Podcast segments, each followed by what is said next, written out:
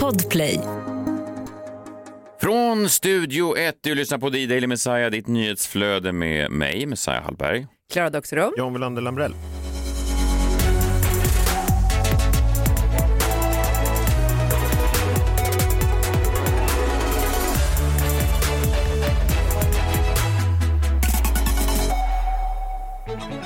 Torsdag 9 juni, studentveckan fortsätter. Idag är den stora utspringardagen. Eh, I Stockholm så vet jag att skolor som Södra Latin eh, springer ut, eh, Mm. Östra Real, även Storstompskolan i Hällefors har utspring idag. Förlåt, Storstompskolan. Ja, en av de här tre hittade jag precis på. Men jag ville vara lite mer, jag vill inte vara så lokal. Men att Södra Latin springer ut, det är då en, för er som inte bor i Stockholm, ska man säga, en kulturskola, samlar ganska mycket eh, underbara typer, folk som jobbar ganska mycket med det estetiska. Bland annat då en av de största killarna på TikTok i Sverige. Han hade då kontot Livet på Södra Latin. Nu har han precis bytt namn till Wolfs liv, för han ska då gå ut idag, så jag vill bara gratulera honom. Han är otrolig, det var min dotter som introducerade mig för honom. En eh, fantastisk eh, person, jag vet inte om ni har sett honom, men han har, han har en karisma som, som få eh, andra. Bonjour Oscar! Bonjour! Idag tänkte jag lära dig tre franska fraser. Vad spännande! Jag har aldrig läst franska förut så vi får se hur det går. Språk är ju alltid kul. Ja, det kommer säkert gå bra. Den första frasen är Ça va? Ça va? Det betyder Hur mår du? Den andra frasen är Aujourd'hui, il fait beau. Aujourd'hui, il fait beau. Och det betyder Idag är det vackert väder. Den var lite knepig. Den var lite knepig. Han är eh, fantastisk, en, eh, en stor eh, förebild för alla, alla ungdomar där Unga? ute. Vad men kul. han, är, han är otrolig. När jag var på kändispremiären av Gröna Lund senast så var han också där, Mm. eh, omsvärmad av sina nya fans. Han påminner lite om eh, en mer karismatisk Tore Kullgren. Jaha. Kan man säga. Men han är lite som en, en Edvard Blom för den nya skolan och eh, det finns ganska roliga klipp på TikTok när han möter då just Ed, Edvard Blom. Mm. Eh, så att han är eh, väldigt charmig. Så att eh, Wolfs liv, gå in och följ honom. Wolfs liv, okej. Liv. Wolf är ett spännande namn också, precis som Ja, vargen då. verkligen. Wolf. Har hängt med den här eh, fantastiska härvan, eller fantastiska härvan, det finns ju mycket mörker i den, men, men den här advokaten då, Ekrem Günger, som då misstänks ha planerat ett mord tillsammans med ledare i kriminella nätverk. Det var ju då en, eh, en ja, han misstänks för, han är inte dömd för någonting. Han har en advokatbyrå, han har då en understudy, någon som är, jobbar sig upp under honom som också sägs vara involverad i det här. Och eh, man kan ju säga vad man vill, men det, är det kommer bli en, eh, kommer bli en spännande serie ändå. Det är väldigt Ja. mycket Hollywoods. Alltså jag har inte hört en sån historia i Sverige tidigare. Nej. Att en, en advokat liksom jobbar sida vid sida. Det är ju väldigt mycket, nästan som en svensk version av den här eh, Departed med Leo DiCaprio och Matt Damon som utspelar sig då i, i Boston, va, den irländska maffian och eh, polisen och de Ja. byter sida och så här. Det är väldigt Och spännande. han är liksom lite undercover eller så. Är det så här också? Ja, ja, de har ju då knäckt den här Encrochat-grejen och sett att han har olika smeknamn och sitter på. Han kallades då kungen enligt målet. Det är intressant. Han samarbetade då, eh, säger då eh, åtalet, med de ökända kriminella nätverken Dödspatrullen och Headshot-ligan. Och eh, ja, säga vad man vill om man är skyldig eller oskyldig, men man kanske ska dra öron. Om han är oskyldig. Ja, då kanske man när gäng liksom skickar sådana visitkort, jag vet inte om de har det, men Dödspatrullen och Headshot-ligan. Ja, det låter inte bra, nej. Eh, Man tänker att de sysslar med något kriminellt. Men headshot är inte samma som shotas. Nej, Nej, Nej, precis. Headshot. Ja, det låter inte bra. Han eh, åtalas nu i alla fall mot sitt nekande för förberedelse till eh, mord. Men eh, ja, ge, det, ge det några år så är det en, en bra TV, tv-serie i alla fall. Mm, verkligen. Har ni sett Naked Attraction? Jag har inte hunnit gjort det ännu. Ja, Jag, jag jag tänker att det. man måste liksom bygga upp eh, modet och känslorna inför det. För jag har sett att det är väldigt mycket vad ska man säga, beskrivningar av deras könsorgan och bilderna jag har sett kanske inte jättekul, eller? Nej, de, de hade ju premiär i tisdags då, Naked Attraction Sverige. Det har ju gått i ja, massa länder. Naked Attraction Danmark var ju såklart före. Vi har pratat om tidigare vilka människor som väl ställer upp i det här. Nu har Aftonbladet i alla fall hittat en av dem som ställde upp då i premiärprogrammet, eh, I- Ilona Eskfält, 31. Hon var säsongens första väljare och hon pratar med Aftonbladet och hon säger jag har alltid älskat programmet. Jag vet inte riktigt, alltså. Tänk om dansker då, eller?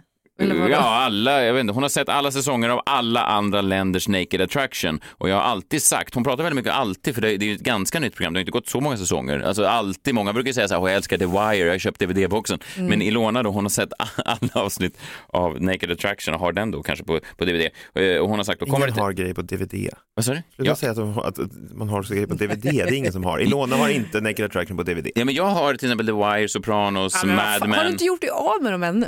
Nej, Vad ska du med dem till? Ja, men det finns ju massa extra material som inte finns på streamingtjänsterna till exempel. Vem, när ska du kolla på det? Jag kollade på den senaste i helgen när jag var på landet. Va? Ja, eh, Sex and the City, nej inte Sex and the City, vad heter det? Jo den finns ju den här skolådan, den har jag också, den är fin. eh, men Six Feet Under kommer ju som en stor kista, den är också väldigt snygg. De är ju fina. Ja, ja. De är fina. Okej. Ja. Och då har hon alltid sagt, kommer det till Sverige så måste jag söka. Jag har ju hävdat att det här är galningar, alltså folk som inte borde vara ute bland vanligt folk. Men då är det någon castingansvarig som också pratar med Aftonbladet, Aurora Brännström. Eh, Hon säger att det var 270 människor som ville vara med i Sverige i Naked Attraction. 270 Många. människor. Hon säger, Aurora Brännström säger att det var ganska svårt att komma med. Man måste då godkännas av psykolog, sjuksköterska och sexualupplysare. De får svara på mycket frågor eh, om sin psykiska hälsa och där var det en del som föll bort, säger Aurora Brännström. Så jag tror inte jag var ute och cyklade så mycket när jag säger att de flesta som är med i det här programmet eller ansökte är rena jävla dårar. Ja. Mm. Nej, jag, jag vill inte gå så långt och säga det så faktiskt. Jag tänker att de ändå, nudister behöver inte vara galna. Nej, fast de behöver inte vara så nära eh, barn och djur. Nej, nej. nej. Men vad gör det här so Sofia Wistam till då? Ja, alltså antagligen, eh, alltså, jag, jag gissar. Så här gissar jag Förutom nu. brottsoffer då? Hon- Nej, men jag tror att ungefär, hon är väl ungefär lika traumatiserad som när David Hellenius tvingades leda det här kändisdjungeln. Alltså det går ju till så när pro- programledare har kontrakt med kanaler så väljer de inte själva, det är inte som att David Hellenius brinner för Masked Singer utan de har ju sagt så här, nu ska du leda en massa jävla godisgubbar i, i fyra år. Och då måste han göra det för att han vill ha sina miljoner. Och samma är det med Sofia Wistam, hon vill ju inte stå och titta på så här kukar från Flemingsberg eh, på arbetstid. Inget fel på Flemingsberg. Nej, verkligen inte, men kukarna därifrån har ju vissa estetiska problem. Eh, och, men nu måste de göra det för att de vill ha sina pengar. Så, så är det ju. Ja, det, är väl, det är väl fine. Alla behöver pengar. Så är det. Visst, Ja, jag bara ställer mig också emot att kuken skulle vara olika beroende på vart den bor. Ja, Fast Östermalmskuken är ju en mer eh, det är en, en, en välvårdad sak med lite glans eh, längst fram på ollonet. Flemingsberg, det är en, en sån här guldbländ-ollon. Alltså Ja, den en, är liksom eh, lite nik- nikotingul. Ja, men den har liksom varit med om en del skit. Det är ju sådär som... ja, men såklart den har. Den, Det är ju slitet, den är ju Men så... den har inte råd att gå till en massagesalong som tar hand om den. Nej, så kanske det är. Men jag menar, då tycker jag inte de ska vara i tv heller. Om kanske det- inte. om man inte- Jag vet, det är som utställningshundar, man ställer inte ut de fula exemplaren. Det är ju fina hundar som får priser man tittar på. Man går inte på titta på skadeskjutna trebenta valpar från... men det finns ju folk som gör det också. Alltså, Men det är de är sjuka. Jo, jag vet, men det här Och det är väl hyllas det ju- det här är. Ja, men det här Det, är hyllas ju inte som... så här, det heter ju inte snygga snoppar från Östermalm. Det ska jag titta på. Sätt nya säsongen och snygga stoppar från Östermalm. Det ska till och med vara Det är väl du programledare?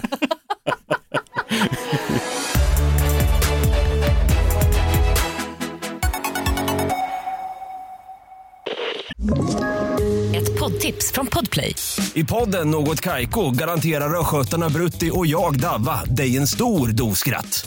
Där följer jag pladask för köttätandet igen. Man är lite som en jävla vampyr. Man har fått lite blodsmak och då måste man ha mer. Udda spaningar, fängslande anekdoter och en och annan arg rant. Jag måste ha mitt kaffe på morgonen för annars är jag ingen trevlig människa. Då är du ingen trevlig människa, punkt. Något Kaiko, hör du på Podplay. Därför är gardinerna.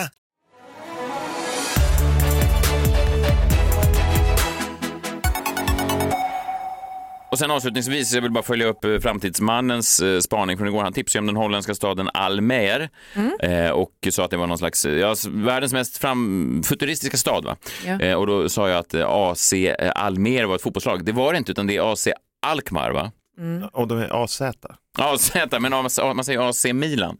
Ja, man säger AC Milan för att det heter AC Milan. Och man säger AZ Alkmaar för att de heter AZ Alkmaar. Är det inte som när man säger SED? AZ, man säger AC, ja, jag skönt, AZ då, AZ Alkmaar. Ja. ja, men Alkmaar och Almer, det är det jag ska komma fram till. Det är, Jan, du hade rätt, det är två olika städer. Och det här vet jag för att holländska kuppen 2017 så gjorde de upp i andra omgången, Almer mot AZ Alkmaar. Ja. Eh, och, och Alkmaar. Och vilka vann då? Ja, det blev 4-0 både borta och hemma för AZ Alkmaar. Så där har ni det. Almer och Alkmaar, två helt olika fotbollsklubb. Rivaliserande, men de har bara mötts de där gången. Eh, Men då verkar Alkmaar leda just på den fronten. Men Almer kanske är mer, jag blandar ihop dem. här. Nej, men de är bara rivaliserande i ditt huvud av någon anledning. Men vadå, JC säger man ju. Man säger inte JZ. Nej, exakt. Då är pro- problemet löst. AC Alkmaar. Jag är på ditt lag kan jag säga. Igår hade vi premiär för ett nytt eh, segment. Eh, Det är då att jag läser högt ur Ulf Lundells dagbok, eh, hans bokserie Vardagar. Och jag berättar då exakt vad han är för ett år sedan. Det blir en spännande tid också. Det säger någonting om vårt samhälle. Vad gjorde vi för ett år sedan? Minns man det här? Minns vi vad vi var när det här hände och så vidare? Nyhetshändelser har ibland en händelse att bara försvinna ut i, i evigheten utan att man eh, reflekterar. Ja. Jag är inte säker på att det säger någonting om vårt samhälle baserat på vad Ulf Lundell gjorde Nej, en dag precis, för det ett år sedan. kanske jag Varför inte håller det? med om faktiskt. Ja, men det, det är ju en, Det behöver inte Men säga det är någonting om, det är- säger väl mer om Ulf Lundell än om samhället. Jo, fast han kanske tar upp saker som händer i samhället och, och, och då, ja, tänker man på det, ja, just det, vad hände med det här? Jo, Okej, men och så det, vadå, igår pratade han om ju att slicka någon i stjärten. Jo, precis, det var ju det han gjorde då för ett år sedan. Nej, det sa väl inte Min tunga sa. i din stjärt. Ja, ja, precis. Vi får se, vi får se. Det, jag vet inte om ni hörde det här ljudet igår, eller det kanske var i mitt huvud. Jag hörde ett ljud då när jag slog upp boken, nästan, eh, det lät nästan lite magiskt. 9 juni 2021. Var tog yoghurtglassen vägen? Fanns det inte speciella små yoghurtglasscaféer för? Det var ju den ultimata vuxenglassen.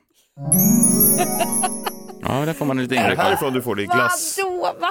Det är intressant Det har ju. väl aldrig funnits Det är yoghurt? du som har skrivit det här. det fanns, i Sverige. Jo, det fanns ganska många jo- på Östermalm, jättemånga längs Karlavägen fanns det. Sen gick de i konkurs allihop, konstigt nog. För jag Man håller kom ju med. på att det var, att det var fat i den.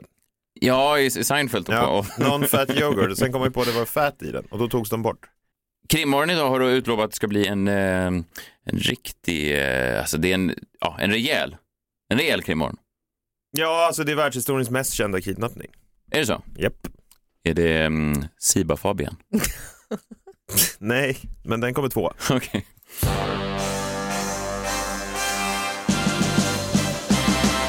Messiahs minut. Oj, krimmorgon på ingången, riktig eh, genomgång av den stora kidnappningen av, vill du säga vem det är?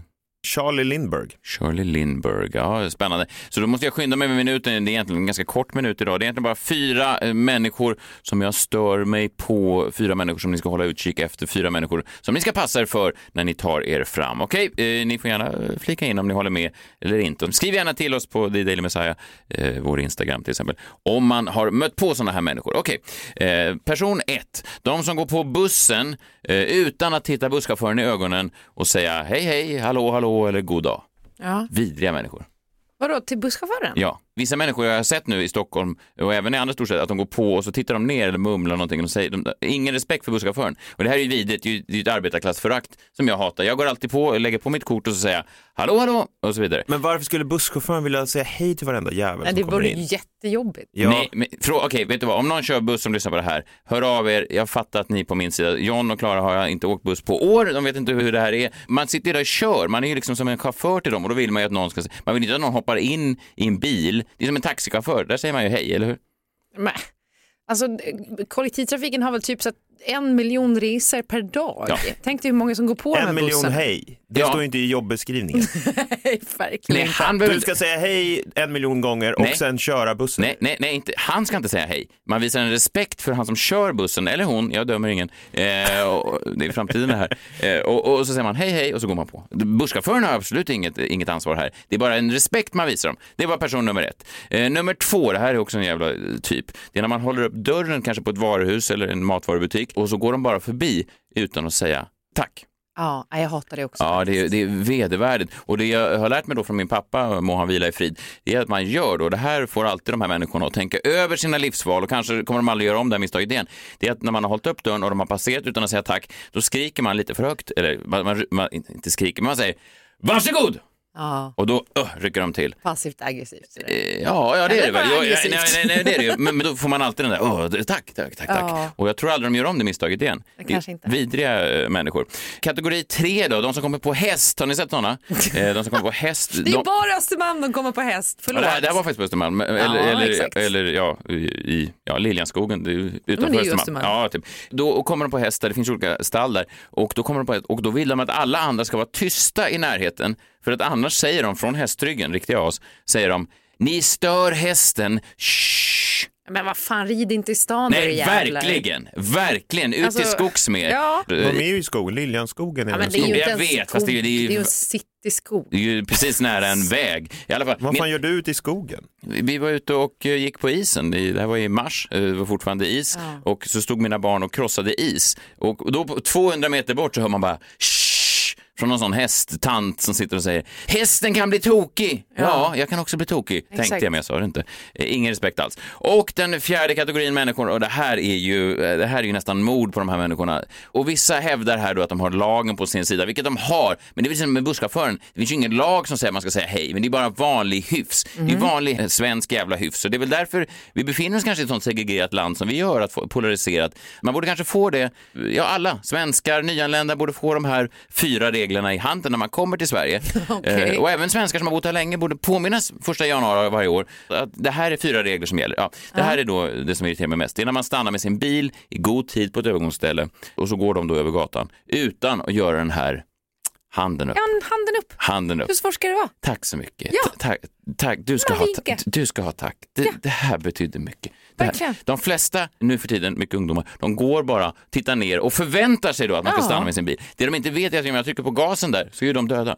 Jo, men de har ju lagen på sin sida. Ja, du, ju, du måste ju stanna bilen. Vill du också ha tack när, varje gång du gör någonting i ej olagligt? Fast man gör det ändå för det är hyfs och hö- Det är handen. sjukt att du vill ha massa tack hela dagarna. Nej, men Får du inte hyfs. tack av din familj eller vad är det du ska ha tack av alla främlingar för? Nej, men tack, det är väl det, är väl det som Tack, bygger ett åh, samhälle. Messiah, Se tack. sin Åh, omvärld. tack, tack.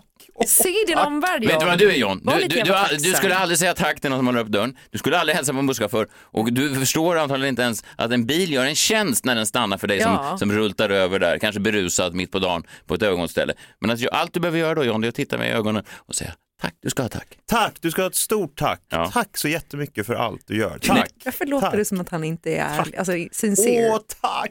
Nej, Jag verkligen. stannade bilen. Verkligen. Tack. Verkligen. Men, men du förstår ju ibland också att man stannar bilen långt innan just för att man... Åh, tack. Han stannade bilen. Tack, tack. Långt innan dessutom.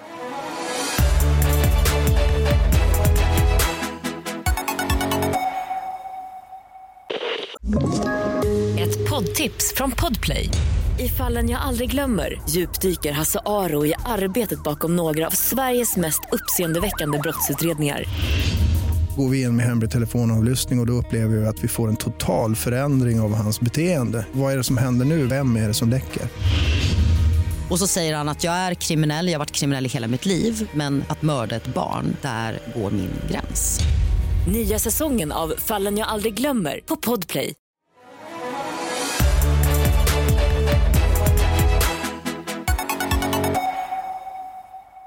Det är så gott med glass och det finns så många smaker En miljon glassar och en miljon smaker Messiah testar alla glassar som finns, hej! Alldeles strax krimmorgon. Först så fortsätter vi med projektet varje dag fram till den sista augusti. Äter jag en ny glassmak. Idag då torsdag den 9 juni är det ingenting annat än Cassatan. Den italienska glassen med torkad eller kanderad frukt och nötter. Det är så gott med glass och det finns så många smaker En miljon glassar och en miljon smaker Messiah testar alla glassar som finns, hej! Hej! Cassatan, bortglömd Ja, aldrig hört raritet. om faktiskt. Nej, den är, ser lite spännande ut. Ser ut som en, en fruktsallad ungefär. En vit bas. Det låter väldigt gott, Cassatan. Vit eh, bas. Vit bas med, med olika färgglada. Det ser lite syltlök ser ut som att det är. Nej, men det är inte syltlök, men det ser ut som det. Vet man om Charles Lindbergh åt Cassata någon gång? Troligtvis inte. Krimmorgon. Varje torsdag så tar han en titt med sina stora pupiller på några av de mest fascinerande krimfallen i historien. Han heter JVL och Jombalan må vara stor, men krimintresset är ännu större. Så, Tack. take it away. tack, tack, tack, Ja, tack, tack. ja, Eh, nu ska vi prata om kidnappningen av Baby Lindy. Men vi tar det från början då. Året var 1932, vilket gör det till vad, 90 år då i år. Ja, Jäklar. om alla siffror stämmer. Ja, om alla siffror Mm. stämmer. Då var Charles och Anne Lindbergh världskändisar, kanske de mest kända personerna i världen. För Charles hade blivit den första personen att flyga över Atlanten några år tidigare med sitt flygplan. Det här hade blivit väldigt uppmärksammat, de hade blivit stora kändisar och hade nu 1932 flyttat ut på landsbygden i New Jersey för att liksom komma undan all uppmärksamhet. Så de bodde eh, i ett hus där och de hade en snart eh, tvåårig son, Charlie Lindbergh, som i media hade blivit kallad för Baby Lindy. Och då den 1 mars 1932 klockan 21 på kvällen så skulle familjens nanny Betty Gao kolla till baby Lindy men han var borta och det låg ett kidnappningsbrev på fönsterkanten som bad om eh, 50 000 dollar.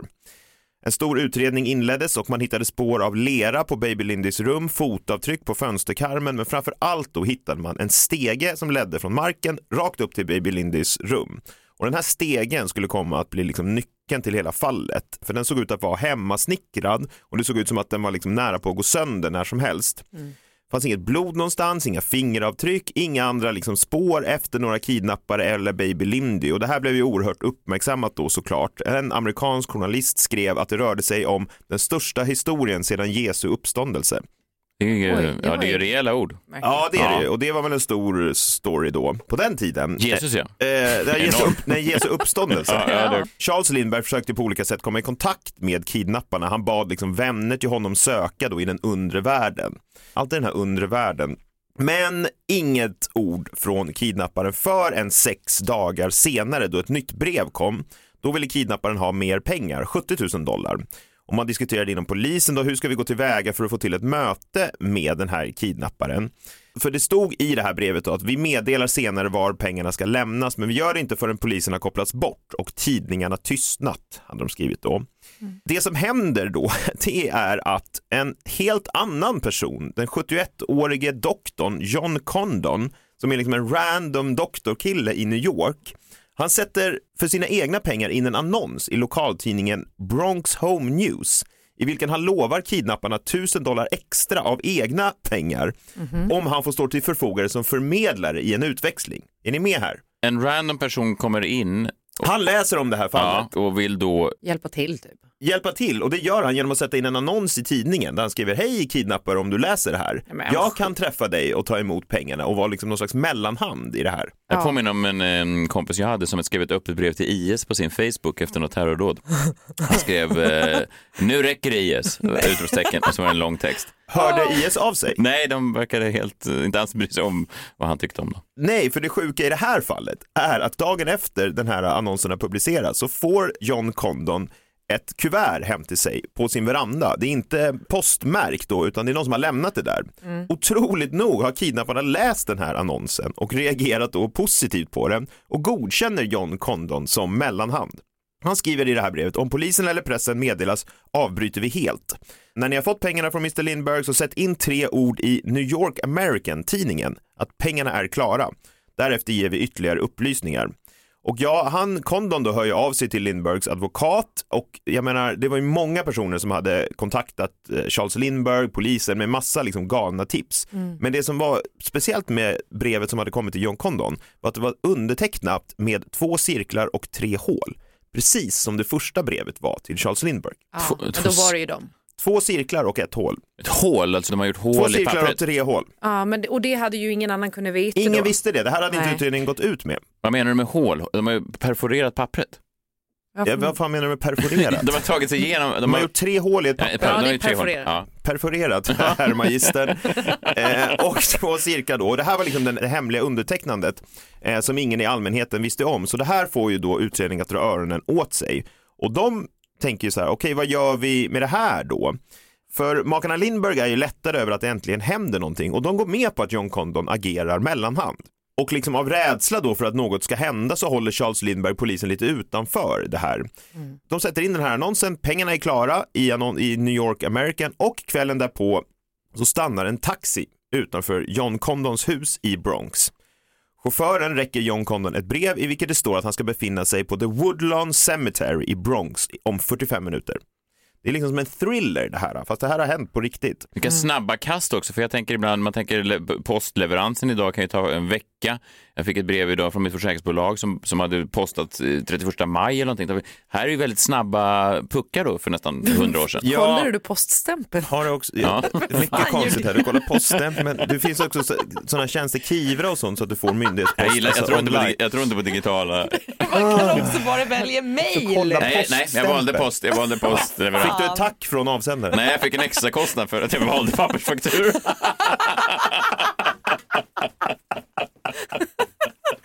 Motsatsen till tack. Ja, du ska fan ha en extra kostnad. Jag för försöker ju säga det något med säga. Hela du är en extra kostnad.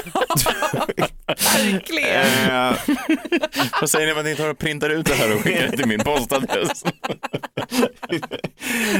De får väcka någon kille på kontoret som inte har jobbat sedan 92. ja, eh, ja, men så var det i alla fall. Och det som sen kommer att utspela sig är ju väldigt spännande då. Det vill säga den här John Condon ska ju då gå till den här, också en kyrkogård spännande. Mm, verkligen. Så scenen som utspelar sig här. John Condon står och väntar en bit från kyrkogårdens ingång när han då plötsligt ser en man vifta med en vit nätsduk genom en gallergrind som inte går att öppna. Så han står på andra sidan den här gallergrinden. Den här främlingen presenterar sig som John. Det är rätt många John här, men han presenterar sig som John. Han har fällt upp kragen över nedre delen av ansiktet och eh, han har en hatt som liksom döljer ögonen. Ja, då frågar han John Condon så här, har du pengarna? Och han, John Condon lägger märke till att han har en kraftig tysk brytning. Mm. Och John Condon förklarar då att 70 000 är en stor summa, jag har inte alla pengar, men vi kommer att försöka skrapa ihop pengarna och överlämna dem så snart ni har bevisat att barnet finns, fortfarande att ni har eh, baby Lindy. Condon fortsätter trycka på att kan jag få se baby Lindy, men då den här kidnapparen eller personen på kyrkogården då, som kommer att bli känd som Cemetery John. Alltså Kyrkogårds-John. Kyrkogårds-John blir Ja. han ju känd för då. Han skakar bara på huvudet och så säger han så här, jag ska ge dig ett bevis. Jag ska skicka baby Lindys pyjamas, lovar han, som han hade på sig då när han försvann. Han går sen iväg, men efter en stund när Cemetery John har gått en bit så vänder han sig om och ropar, vad tror ni händer om pojken dör? Hamnar jag i stolen då? Och då svarar inte John Condon någonting.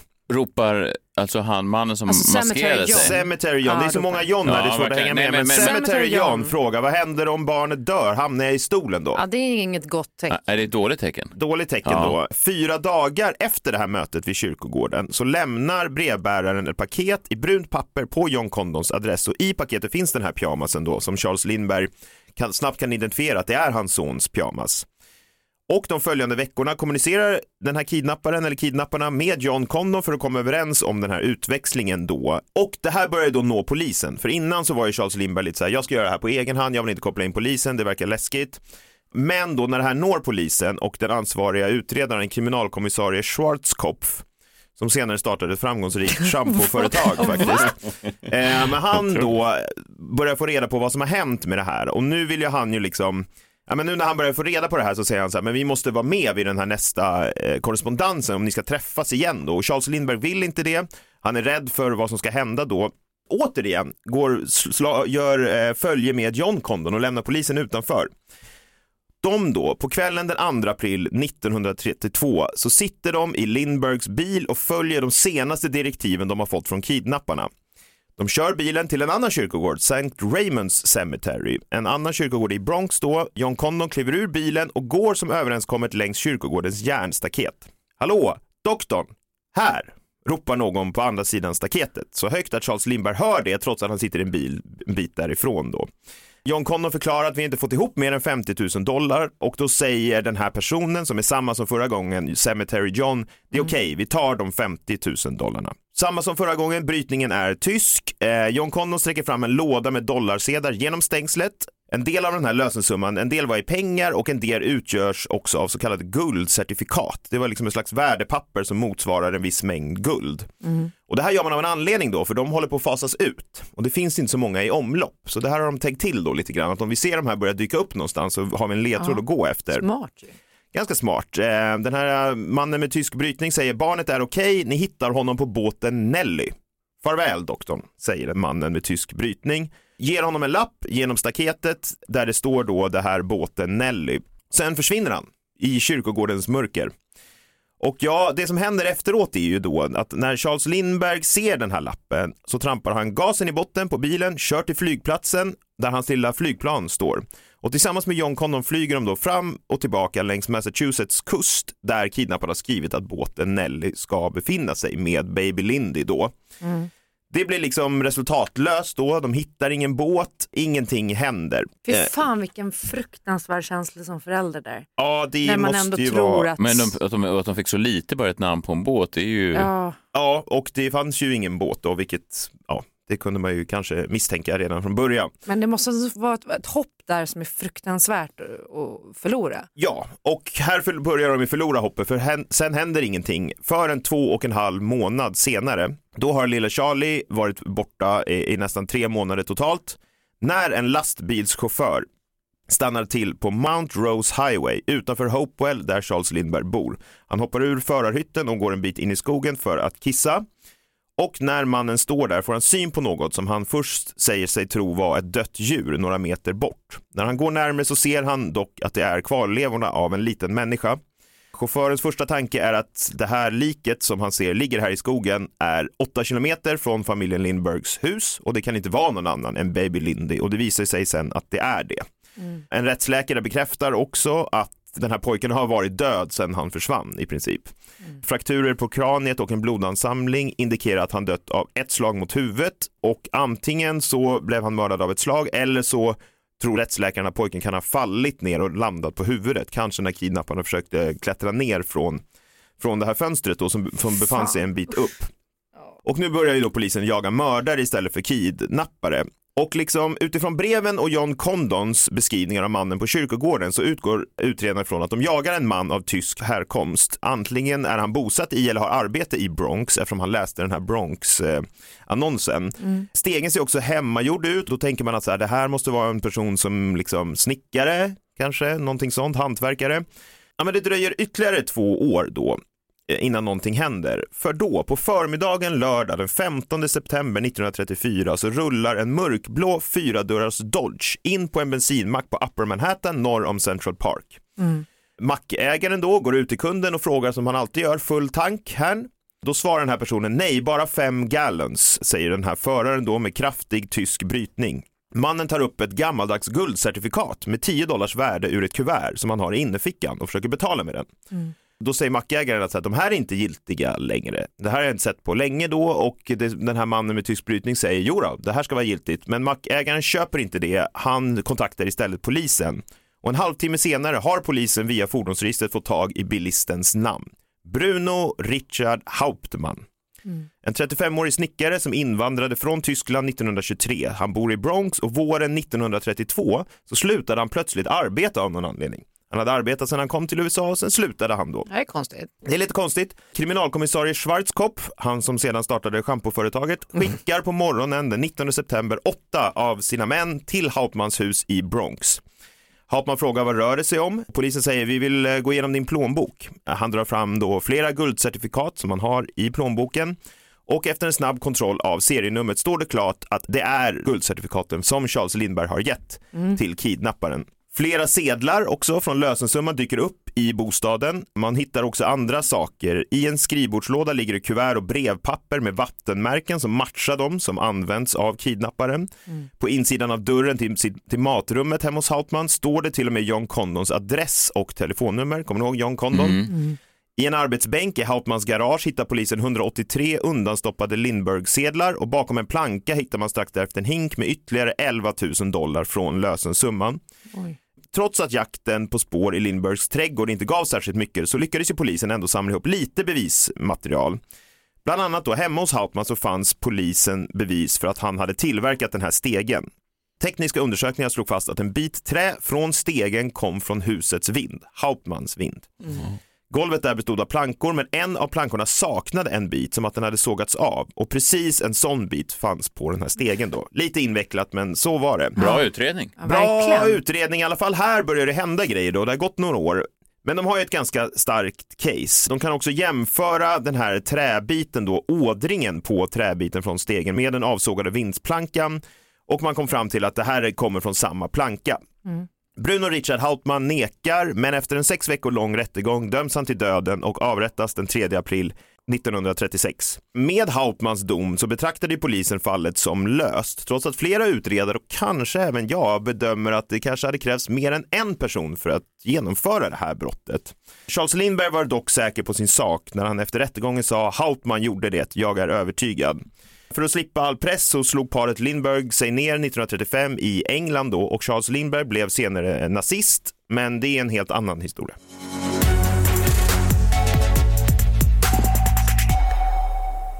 Jag hade verkligen inte hört att de hittade någon eh, mördare. Vad spännande. Ja, precis. breaking news här i. Jo, nej, men det gjorde de. Sen är ju frågan då om han verkligen kunnat genomföra allt det här eh, på, Ja. på egen hand. Det är kanske... Men vad menar du att han inte skulle kunna gjort det för? Ja, alltså först och främst så, eh, så finns det ju många teorier om att det är någon på insidan då. Som, hur visste han till exempel att Baby Lindy skulle vara hemma? Ja, hade och han i inte- det fönstret. I det fönstret. att Hade han han inte jobbat, eh, gjort renoveringar hemma hos Nej, dem? ingen okej. koppling Nej, alls. nej, nej. Utan han dök bara upp där mitt på en landsbygd i New Jersey då, där Lindbergs hus var. Klättrar upp till eh, Baby Lindys rum, tar Baby Lindy ganska smidigt får man ändå säga. Mm. Tar sig därifrån ehm, mm, kanske. Ja, och inte. tanken var väl kanske inte att barnet skulle dö. Eh, för varken honom eller den som då var på insidan, tänker jag. Så sen när barnet dör så blir det ju liksom värre. Men sen tänker jag också om de inte hittade mer pengar, vad tog resten av pengarna vägen? Om... De kan ju vara i omlopp också. Ja. Men eh, jag tror ju som du att jag tror ju all, verkligen inte tanken var här att barnet skulle dö. Nej. Utan jag tror att, de, att han tappade barnet från den här stegen då. Det var också en bit av den här stegen som var av så att det kan ha varit att han slog i där och sånt där. Så. Men eh, mm, det är ju en spännande historia. Men eh, ja, jag lutar väl också åt att det var Hauptmann själv som gjorde det här. Även om jag undrar, kommer alltid undra lite grann hur han kunde veta Mm. att Baby Lindy var hemma just den dagen i det rummet. Mm. Nej, just det. Nej, det är inte. Hur visste han det? Det påminner ju lite om uh, Madeleine McCann-fallet. Ja, det gör det kanske lite, men ändå Att han hantverkare tog sig in, tog ett barn, stack iväg, hantverkare. tappade. Han var ju hantverkare. Jo, Men, men Tysken? Madeleine, Nej, eh, tysken var ju hantverkare. men den där tysken ger... Nej, men den här tysken. Ja, han tysken. Ja. Ja. du tänker att det är både... Att det, ja, jo, det är precis. Tyskland som Men är vem, gemensam vem i. Madeleine McCann är hantverkare? Vad sa du? Vem i Madeleine McCann är hantverkare? Germund?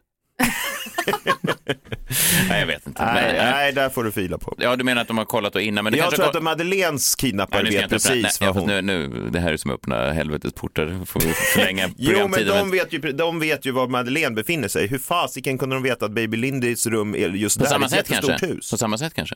Kanske. Iakttaget innan? Kanske. Ja. Kanske, men Och det här var ett hus mitt i ingenstans. Ingen skulle ha sett en person som stryker runt där och kollar var Baby Lindys rum är. det är Nej, lite Fast många märkligt. misstänker ju också att det är precis som med Madeleine McCann är föräldrarna som ligger bakom det här. Charles Lindberg. Ja, du får inte reta upp honom. Nej, ska inte. Nej. Imorgon är det fredag, då är vi tillbaka. Vi hörs eh, då. Ta hand om er. Hej! Hej! Hej!